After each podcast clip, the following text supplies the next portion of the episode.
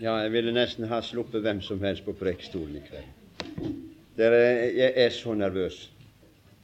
Men heldigvis er det ingen av dere som kan se det. Jeg er nemlig ikke nervøs for å stå for en forsamling. Jeg er aldri nervøs når det gjelder å stå for en forsamling. Og likevel så er jeg syk. Dere, vi er kommet sammen i kveld, og det, det, det er rammealvor. Vi er her for Guds åsyn. Her er sjeler som skal reddes for Gud og for himmelen her i kveld. Og vi skal huske på at det er krefter til stede. Jeg kjenner det i meg selv hvor det bryter, og hvor vi måtte sitte i bønn til Gud om at Herren med sin ånd må være den seirende del i vårt møte i kveld. Jeg vet ikke hva jeg kan få si. Mine ord duger så lite, dere. Om jeg bare fikk ånd og kraft ifra himmelen.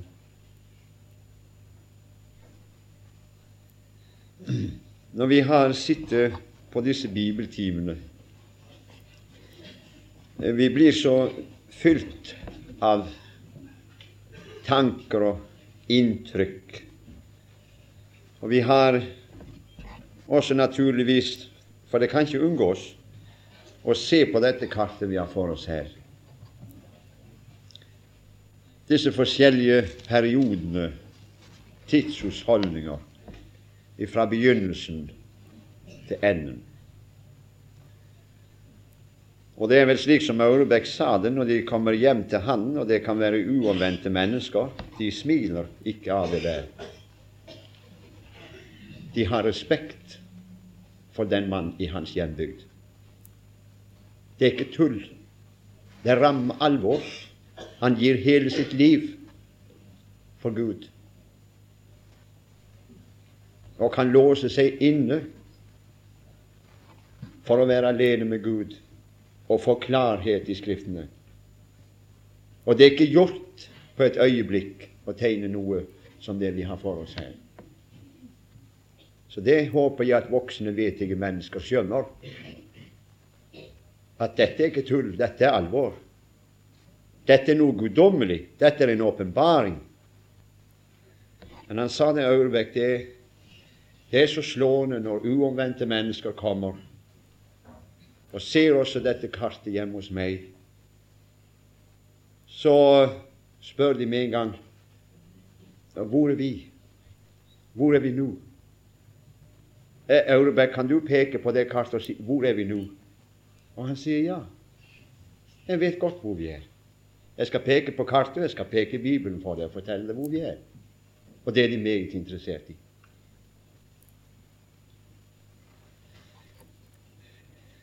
Alle vi som er her, vet hvor vi er. Du føler det? Jeg tror ikke det er et menneske her. Dere har hørt så mye Guds ord forkynt at dere vet hvor vi er. Jeg har bare lyst til å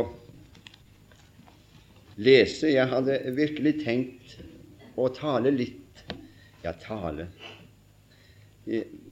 om Jesu gjenkomst. Og det er vel heller ingen nyhet på er det vel. Det er ingen nyhet for dere venner som er her, men jeg, jeg har lyst til å minne om det likevel. Og jeg kan eh, betro dere at det var lenge noe aldeles forferdelig for meg å sitte i forsamling og høre om Jesu gjenkomst. Det var grusomt for meg en tid. Jeg ville ikke tro på det, men jeg kunne likevel ikke komme utenom det om jeg var uomvendt. For jeg regnet med det var sannhet de sto og forkynte ut fra Skriftene. Men det var forferdelig for meg å høre det. Og jeg satt og tenkte som uomvendt jeg skal snart møte hva som helst, bare jeg slipper å oppleve det der når Jesus kommer igjen. Men eh, efter at Gud har frelst meg, og jeg har fått sett på hvilket grunnlag jeg er frelst. Det var en som var villig å dø i mitt sted. Så høyt elsket han meg. Han kom hit fra herligheten. Han var villig til å påta seg all min synd. Han var villig til å gå inn i lidelsen og inn i døden og med sitt hellige blod gjøre soning for alle mine synder. Syns du det er rart om jeg begynte å si til den personen Kjære, kjære Jesus. Og det mente jeg for ramme alvor, altså. Mens jeg mange ganger har en følelse av at det der kan bli et munnhell for mange. De sier 'Kjære Jesus' når de ber, men de er ikke mer glad i ham enn når de hører om den samme Jesus som de ber til og sier 'Kjære Jesus', at han skal komme igjen, og at han skal komme i kveld. Det er som de får stingen i hjertet med en gang. Min venn, det er hykkelskap. Har du ham ikke mer kjær? Mennesker som sier 'Kjære Jesus', og som likevel ønsker ham langt på avstand. De er redd for å møte ham de sier de har kjær. Det er et underlig forhold.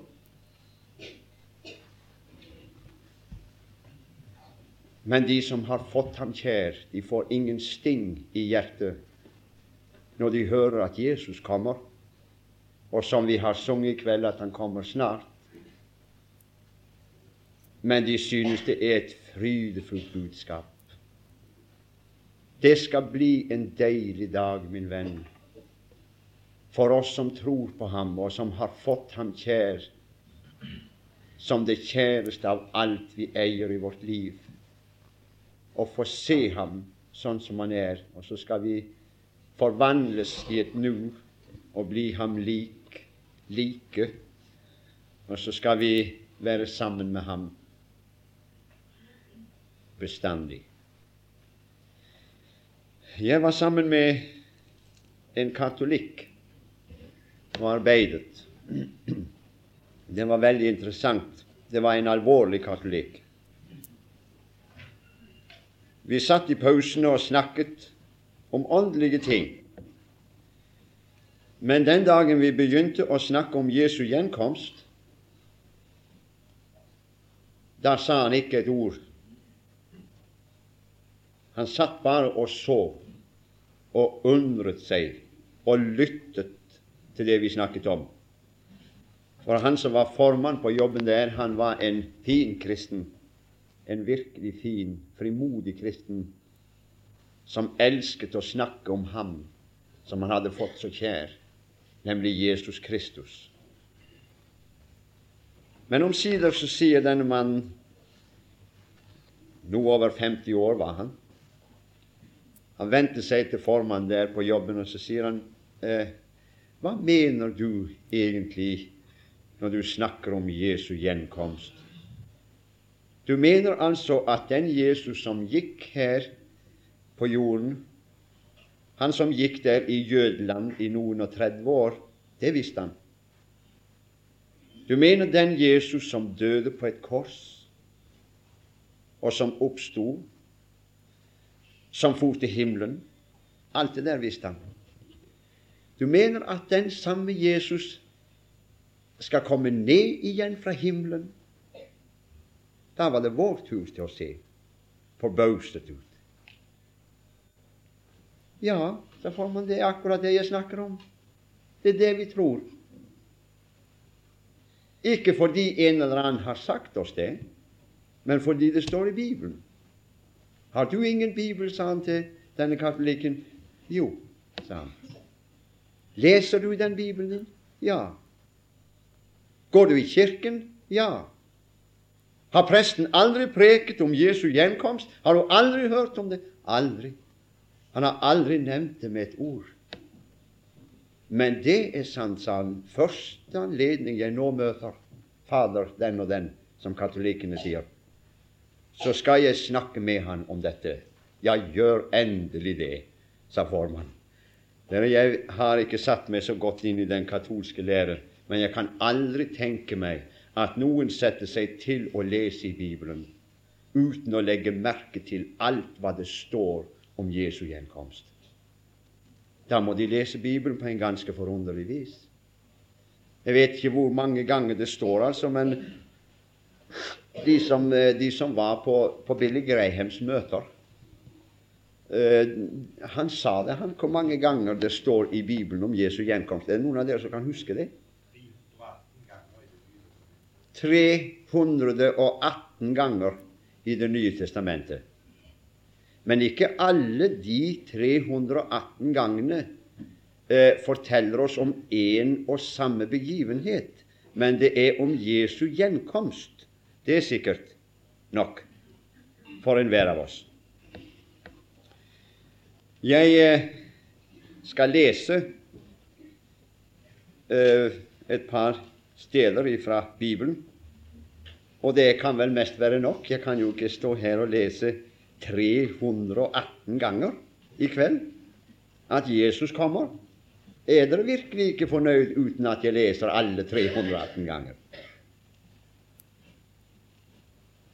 Skal vi nøye oss med det som Jesus selv har sagt,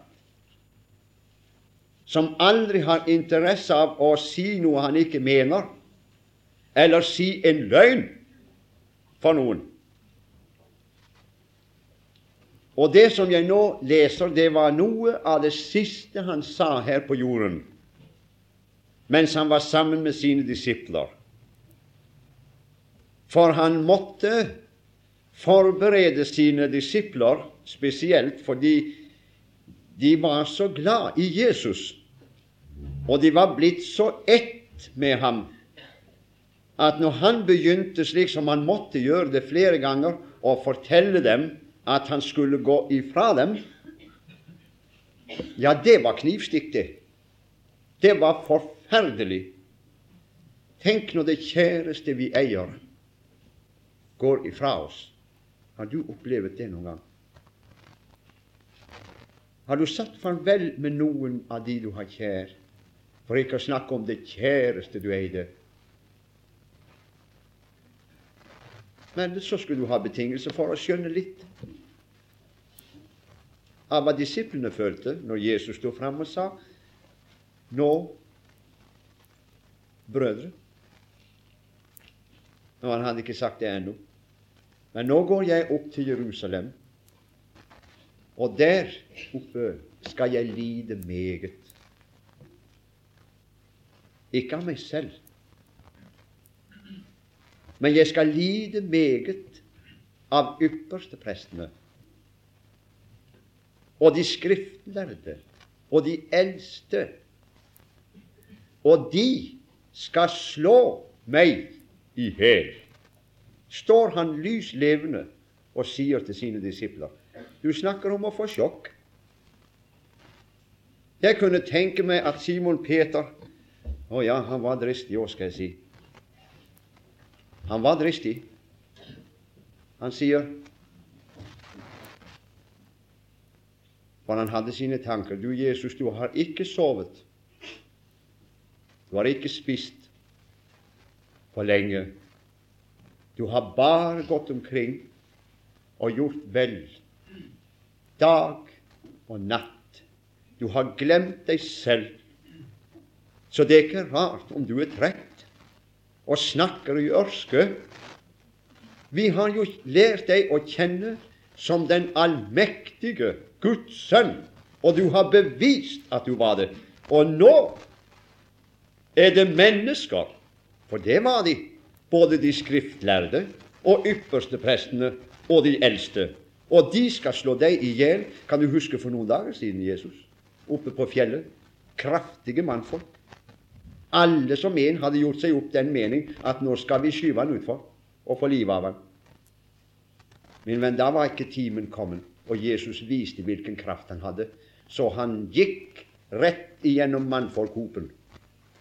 Og de var som lammet, for det var ikke én som turte å røre ham med en finger. Og stakkars dem som ville prøve den dagen, for da var nemlig ikke timen kommet for ham.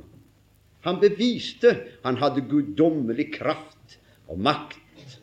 Men nå, sier han, skal de slå meg i hjel. Sjokkerende. for disiplene som hadde han så kjær. Men han måtte si det for at ikke de skulle få sjokk når de så ham henge på Golgata kors og dø. Så de fikk syn for sang, enda Simon Peter tok han med seg avsides, og så sier han, Gud fri deg, Herre. Dette må ingenlunde vederfares deg. Hva for noe? Det som du har sagt nå. At du skal gå opp til Jerusalem og lide og dø. Det må ingenlunde vederfares deg. Og jeg forstår, jeg forstår altså Simon så godt. Kunne du tenke deg å se Jesus som du nå har så kjær? Kunne du tenke deg å se ham henge på et kors og lide og blø og dø? Jeg kan ikke. Jeg er så lykkelig over at han er ferdig med det. Det er overstått. Det er fullbrakt. Han skal aldri mer henge på et kors. Han skal aldri mer dø. Heller ikke jeg og du som tror på ham. Men de fikk syn for sang. De sto selv og se. De sto selv og så der Kristus hang på Golgata kors. Men ennå skjønte de ingenting av det alt sammen. Men de skjønte det siden når Den hellige ånd kaster lys over evangeliet for dem. Da var det ikke rart om Peter sto frem med den åndskraft han også hadde på pinsedag og preket, så tusenvis av mennesker ble frelst rett der mens han preket. Men da var han grepet av Kristus, altså. Og da forsto han hva det ligger i det at Kristus måtte lide og dø. Det var for meg som ennå sto og bante på at jeg ikke kjente det mennesket. Også den synd bar han opp på korset. Men nå, her i Johannes 14, som jeg skal lese fra i kveld, står han igjen og sier at han skal gå fra dem. Men han skal ikke gå opp til Jerusalem og lide. Nei, nå skal han gå mye høyere enn til Jerusalem. Og der oppe skal han ikke lide. Nei. Men vi får se hva han skal. Han sier det selv hva han skal gjøre der. Eh, Johannes 14, vi kan begynne på vers 2. I min Faders hus er det mange rom. Og var det ikke så, da hadde jeg sagt det eller det. For jeg går bort for å berede eder sted. Det er hans ære nå, når han gikk fra dem. Jeg skal ikke lide mer, Peter. Jeg har litt, for deg har jeg litt. Synden er sonet, venn min. Gjelden din er betalt. Så nå går jeg hjem, og så bereder jeg et sted. Når jeg trodde lenge det at han holdt på å lage rom, for jeg, jeg hadde ikke øye for å se selv hva det sto. Og det er enda mange som mener at Jesus er i himmelen og lager rom, men det sa han ikke. Han eh, sier tvert om og understreker det kraftig at i min Faders rom er, eh, hus er det mange rom. Det sa han mens han var her, før Kristi himmelfartsdag. Så de rommene de var ferdige før han kom dit. Så det mangler ikke rom i himmelen. Men jeg går hjem for å berede eder sted. Og jeg antar at dere, mine venner, ser forskjell på et rom og på et sted. Nå er vi på et sted som heter Åkra. Men her på Åkra er det mange rom. Jesus forteller om himmelen. Der er mange rom, men jeg skal berede dere et sted. Og hvordan det stedet ser ut, er det ikke gitt noen å kunne forklare. Det var en som var rykket inn eh, i den tredje himmel. Han fikk se store og herlige ting. Når han skal prøve å forklare det, så bruker han et språk som vi stort ikke skjønner noe av. Men jeg tenker, når vi, når vi snakker om himmelen Jeg syns det var så fint det som den smågutten sa han hadde sittet med sin far på møte, og det var talt om himmelen den kvelden. Så tankene hans var opptatt med himmelen også når de gikk hjem. Det var en strålende fin vinterkveld. De gikk der hånd i hånd, far og den lille. Og han eh, går og ser opp mot den stjerneklare, nydelige himmelen.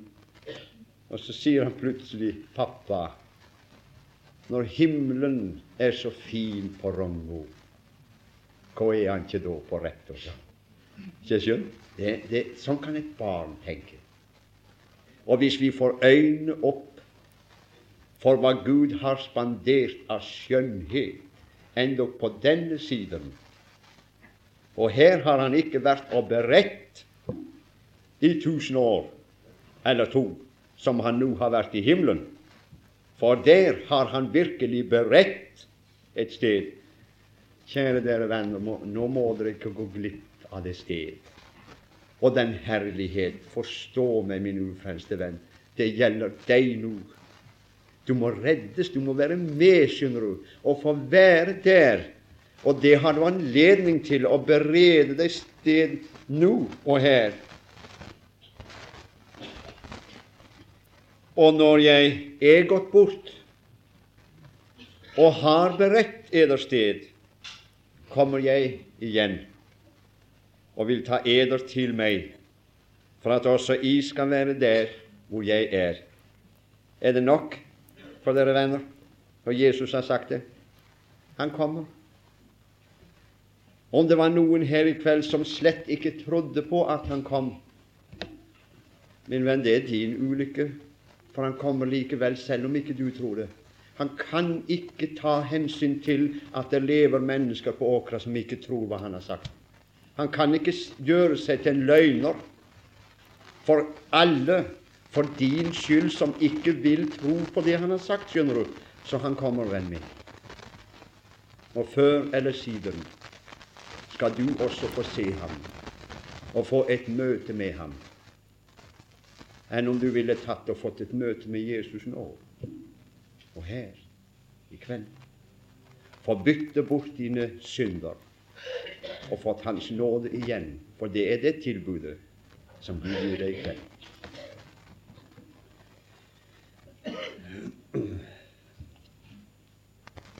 Det er noe, noe, av disse tankene som jeg har sittet med også under timene på dette kurset. Jeg, jeg, kan lite, jeg, kan ikke holde bibeltime om Jesu gjenkomst. Det, det er helt umulig for meg. Så jeg får bare ganske enkelt bære frem noen tanker. Hvis uh, for eksempel uh, jeg aldri hadde hørt noe særlig om Jesu gjenkomst annet enn det som jeg hørte som guttunge. Og min mor tok meg med på møtene, for de gamle de talte veldig om Jesu gjenkomst. Det gikk mest ikke ett møte uten at de gamle predikantene minte oss Eh, før vi gikk hjem av møtet i hvert fall, at vi skulle berede oss til å møte Gud, og at Jesus kommer snart. Eh, så hvis jeg ikke hadde hørt noe mer enn det jeg hørte som gutt, og så komme på dette kurset her, så hadde alt gått i surr for meg. Ja, det er sant. Jeg hadde stort ikke forstått meg på noen ting. For jeg trodde nemlig at når Jesus kom igjen, for jeg forsto det sånn, så var det slutt på alt. Når Jesus kom, så er det det samme som dommedag. Så enten de snakket om dommedag, eller de snakket om Jesu gjenkomst, det var, det var ett og samme for meg. Og jeg har også reist omkring litt, også vitnet om denne tingen og, og, og, da har jeg også sett at voksne mennesker de blir helt forstøkt når jeg sier at Jesu gjenkomst og dommedag er ikke én og samme begivenhet. Jeg vet ikke hvordan det er med deg. Og derfor så protesterer de høylytt hvis jeg f.eks. holder frem at Jesus kommer snart. Vel, det er så, for det er hva det står skrevet. Men hvis jeg taler om at Jesus kan komme nå, i kveld, sånn som det står, og som han har lovet, protesterer de høylytt. Og så spør jeg hvorfor protesterer du?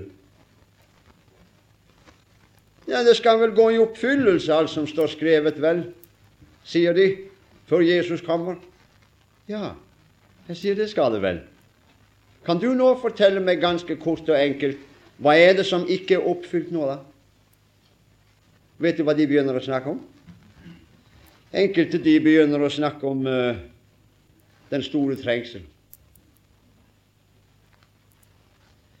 Noen de begynner å snakke om uh, tusenårsriket.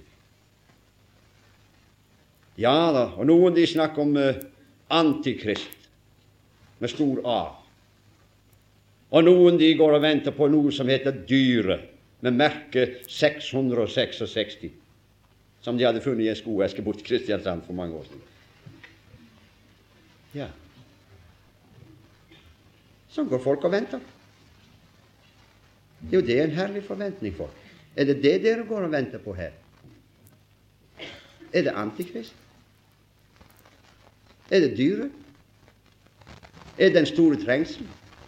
Ja, sier noen, skal ikke det oppfylles? Jo, du kan da skjønne det skal oppfylles. Før hva? Før enn at Jesus kommer igjen? Hvor står det? Kan du vise meg det i noen bibel at det skal skje før Jesus kommer igjen? Da må du ha en helt annen bibel enn andre folk har. For du skal aldri finne det i den normale bibel, som vi har hatt nå i mange år. Ikke engang i den katolske bibel skal du finne det. Det vet jeg. Nå. Men det er her vi farer vil? Skal jeg få lov å si deg hvilken begivenhet som nå skal oppfylles, og som står for døren til å oppfylles? Det er ikke at Antikrist stiger frem på arenaen. Det er slett ikke at dyret står frem med sitt nummer. Det er ikke den store trengsel du skal gå og vente på. Det er ikke det som skal skje nå. Det er ikke tusenårsrike som kommer frem. Vi har det på kartet også. Men min venn, det er noe som skal skje før den tid. Han skal oppfylle det løftet han ga dem da han for fra dem. Og når jeg har beredt eder sted, kommer jeg igjen og vil ta eder til meg. Så det som vi nå skal vente på, det er at Jesus kommer. Kommer nå. Nå i kveld. Er det ikke vidunderlig? Jeg burde ha hørt et ekko av noen som sa Ammen. Ja, kom, Herre Jesus, av mennesker som er rede, mennesker som elsker ham, mennesker som gleder seg til å se ham og få være med ham. Nå, hvis vi leser det velkjente ordet også i første Tessalonikerbrev, i det fjerde kapittel, skal jeg også få lese noen vers der før jeg slutter. Eh, der kunne vi lese ifra det 13. vers. Men vi vil ikke, brødre, at I skal være uvitende. Nei, det vil ikke Gud. Dere må ikke gå omkring og være uvitende så lenge dere har en bibel hjemme, folk.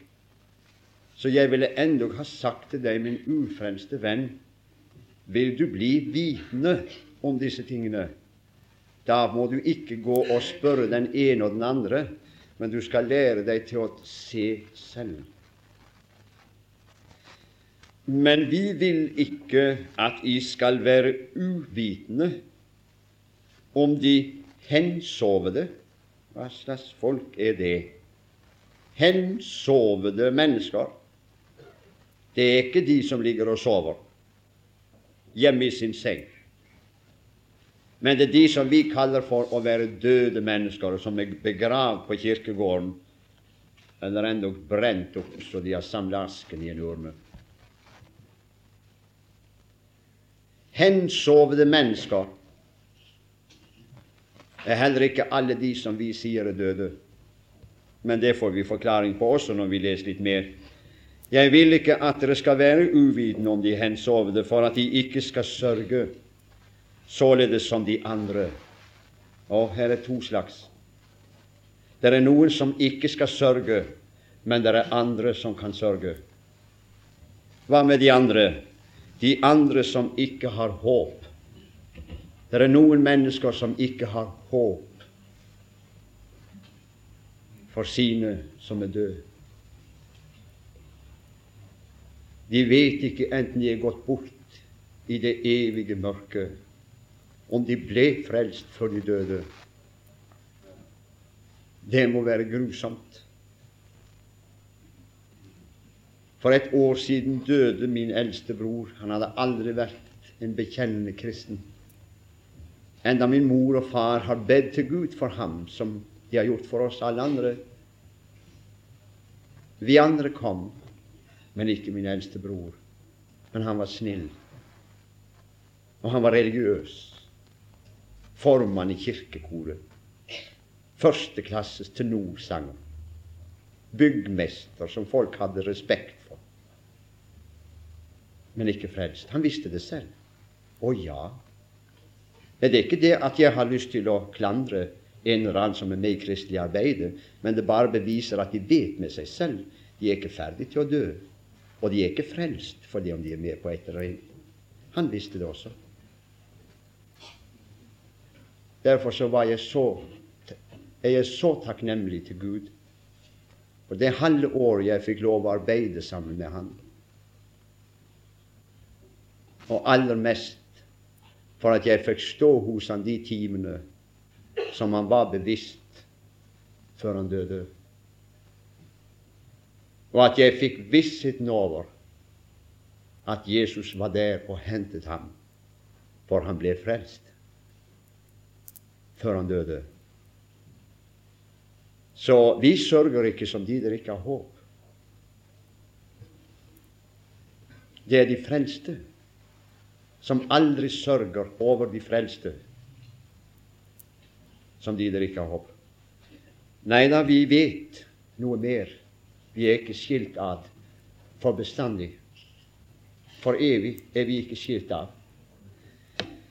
For her står det så sant vi tror at Jesus døde og sto opp, og det er hva vi tror, så skal òg Gud ved Jesus føre de hensovne sammen med ham. Venn, de skal ikke bli liggende i graven bestandig. Gud skal greie å føre dem sammen med ham, som de sa var her. Kjære Jesus, takk at du døde for meg. Takk at du sonte min synd. Takk at du sto opp til min rettferdiggjørelse. Takk at du frelste min sjel. Men det er rart om de sier 'Kjære Jesus'. For dette sier vi eder med ett ord av Herren, at vi som lever, som blir tilbake inntil Herren kommer, skal ingenlunde komme i forveien for de hensovne, for Herren selv skal komme ned fra himmelen med et bydende rop, og med overengelsk røst og med Guds basun, og de døde i Kristus skal først oppstå. Når jeg har, jeg har av og til tatt meg en tur inn på kirkegårdene. Jeg skjønte jeg trives aldri der. Unnskyld at jeg sier det så direkte. Jeg trives aldri på kirkegårder. Det er noe så imotbydende for meg, noe så unaturlig. Jeg lengter aldri å dø og bli båret inn på en kirkegård. Gjør du? Jeg vil ikke si at det er noe særlig normalt.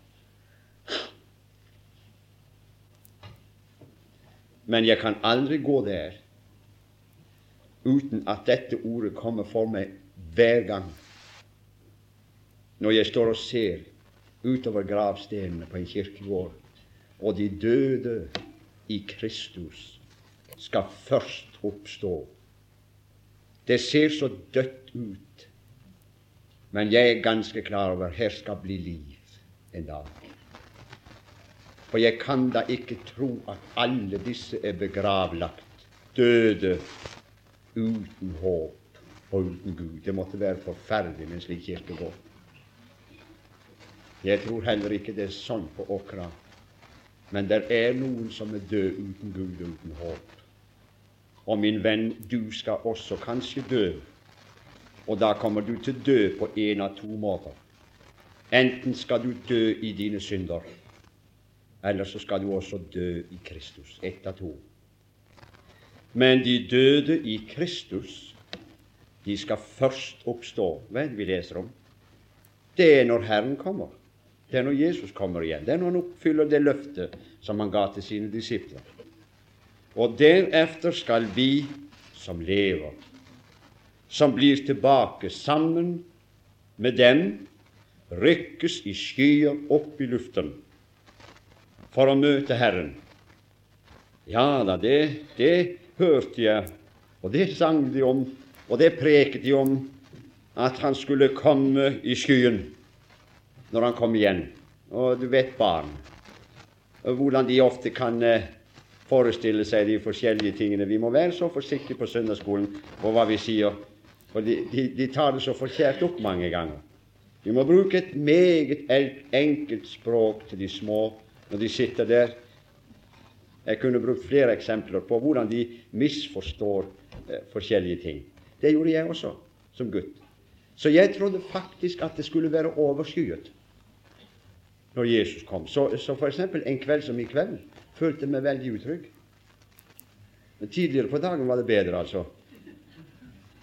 For, for hvis det var solskinn og klarvær, så tenkte jeg ja, ja, det er noe trygt og godt å gå i dag. Ja, for jeg hadde skrekk for Jesu gjenkomst. Jeg hadde fått det fremlagt så forkjært, skjønner du. Hadde ikke fått greie på det sånn som vi får greie på det her, så hadde jeg ikke gått i sånn angst. Overskyet. Så smiler de. Ja, Men det står jo det. De skal rykkes i skyer. Men du ser det er enkelte mennesker som ikke får skyer til noe annet enn regnværsskyer. Så skulle vi nå vært utrygge i Bergen ofte, iallfall. Det er noe sikkert. For der er det nok av den slags. Har, har dere lest i Bibelen om regnværsskyer? Jeg antar det står. Det er ikke noe ukjent under himmelen for Gud. Så han vet saktens om de skyene. Men hvis du leser i Bibelen, så vil du finne skyer av noe helt annet enn regnvær. Det kunne jeg saktens ha, ha lest litt òg om hvis vi, hvis vi hadde tatt oss tid til det. Hvis jeg finner Hebreabrevet i det tolvte kapittel. I en fart så skal jeg lese bare ett vers der for deg hvor det står at derfor la òg oss, da vi har så stor en sky av regnvær hengende opp over oss, avlegge alt som tynger. Står det det? Nei, men hvis ikke dere her kan få skyer til noe annet, så må det stå så. Men det står ikke det. La òg oss, da vi har så stor en sky av vitner Har du sett en sånn sky? Vi er ca. 300 mennesker her i disse dagene her. Ja, og går de sammen bortover veien og skal til ungdomsskolen og spise, så er det som det vil danne seg en liten sky med en gang. Og det er en sky av vitner, levende vitner for Herren. Det er de som er her i disse dagene her. Gjenfødte, frelste mennesker av bare Guds nåde uforskyldt ved troen på Jesus Kristus, sitter her fra klokken ti på morgenen og er like lysvåken når klokken er elleve-halv tolv om kvelden, og kan visst gå på, på flere bibeltimer på natta også, hvis vi fortsetter nå. Kan du fatte og begripe det, min ufrelste venn? Hvordan kan de greie det? Hvis ikke ordet var ånd og liv og holdt det helt oppe. Men en sky av vitner. Det er levende mennesker, det, min venn. Og når vi leser i forbindelse med Jesu gjenkomst, så skal, deretter skal vi som lever, som blir tilbake, vi som lever altså når Han kommer, skal vi sammen med dem Hvem? De som først oppsto fra gravene, skal vi slå følge med dem og rykkes i skyer, ikke i skyen. Vi skal rykkes opp i luften, men ikke i skyen. Men vi skal rykkes i skyer opp i luften. Å, de fleste av dere har hørt dette før. Men det er mulig at her er noen som dette ennå var litt uklart for. Og nå gjør jeg det så, eh, så enkelt som jeg tror det overhodet går an, så du skjønner det.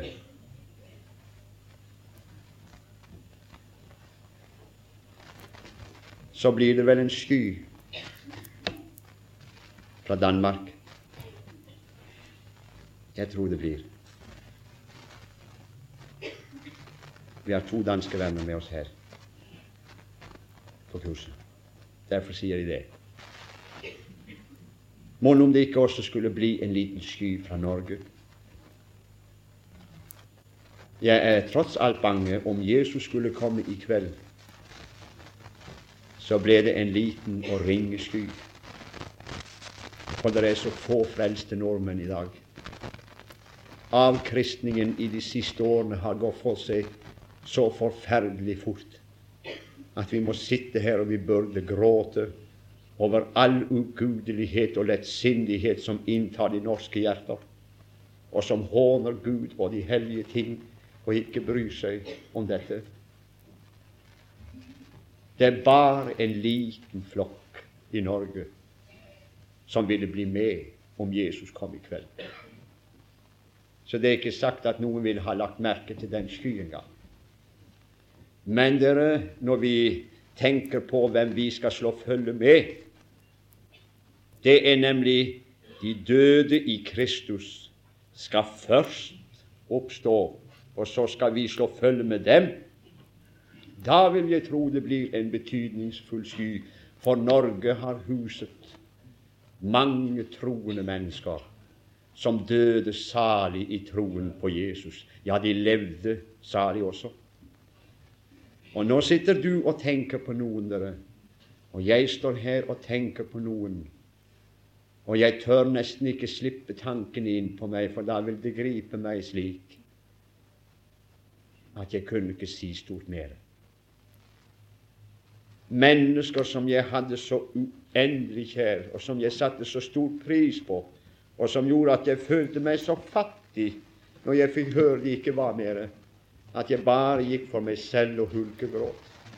Tenk, nå er ikke han mer. Det er ikke hun mer. Og de som betød så mye for meg. Og jeg kunne ikke forstå meg på Gud som hadde råd til å ta de menneskene hjem. For de betød så mye for vårt folk og for vårt land og for oss som skulle leve videre.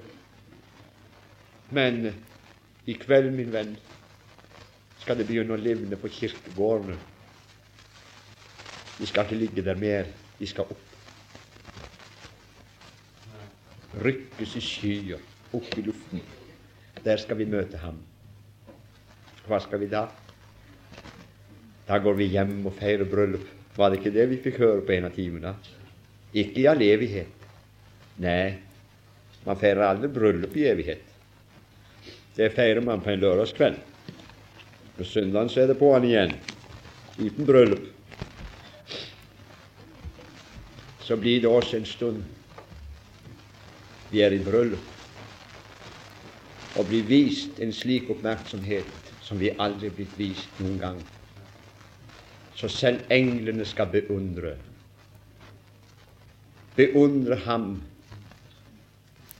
Og det er nå helst bruden som blir beundret i et bryllup. Han stakkar legger ikke mange merke til. Men eh, men der skal de beundre ham. Og det er han nemlig som har gjort bruden til det hun er. Derfor skal de beundre ham. Tenk at han greide å få noe så vidunderlig igjennom en sånn verden som den vi lever i, full av synd og gudelighet, som ville gripe tak i oss hver eneste dag nå står vi der uten plett, eller rynke eller noe sådant. Aldeles fullkomment. Så endog englene Å, hvor de beundrer Kristus. Vi sang her i dag at det vil bli herlig for meg når vi kommer hjem, det vil bli herligst for ham. Herligst for ham. Og Hvordan er det her nede på jorden da? Jo, min venn, her går livet sin vante gang her. Butikkene er åpne. Jeg vet ikke hvordan det ser ut borte hos Arnold.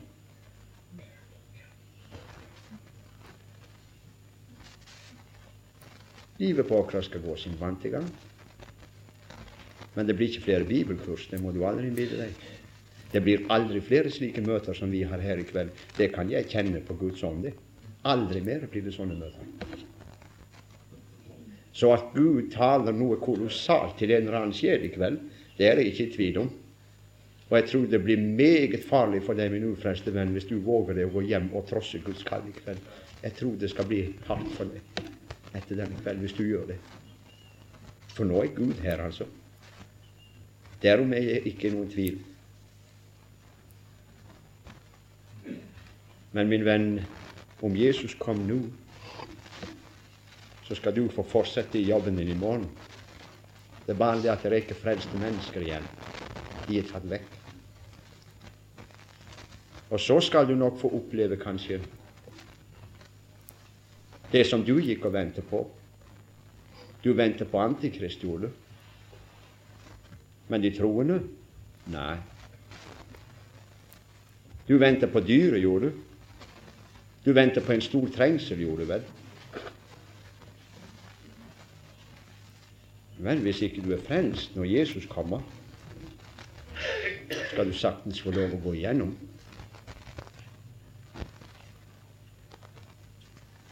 Og så kommer enden, sant?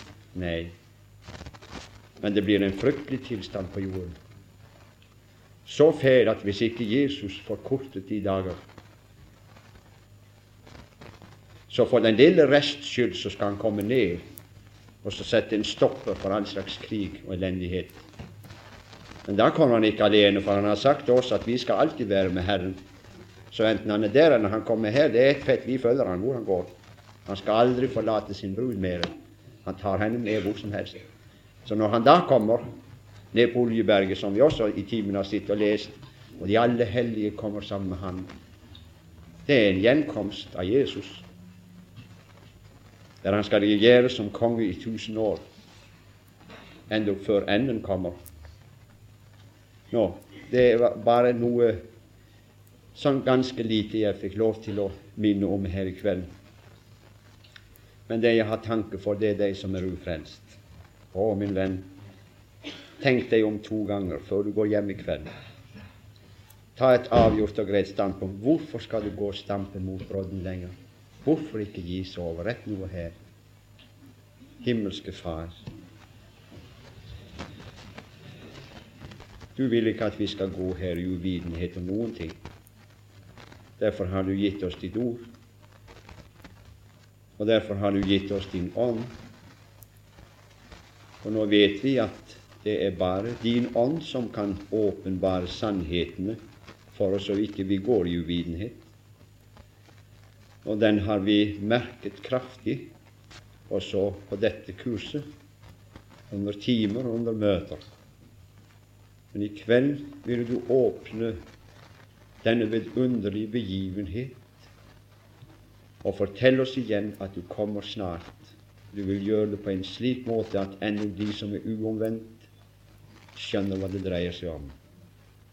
Gud, vil du fortsatt tale, og vi skal takke deg om vi fikk nettopp oppleve det som resultat av denne dagen og av dette møtet i kveld, at vi fikk knele ned med en synder som overga seg til Gud og ble frelst.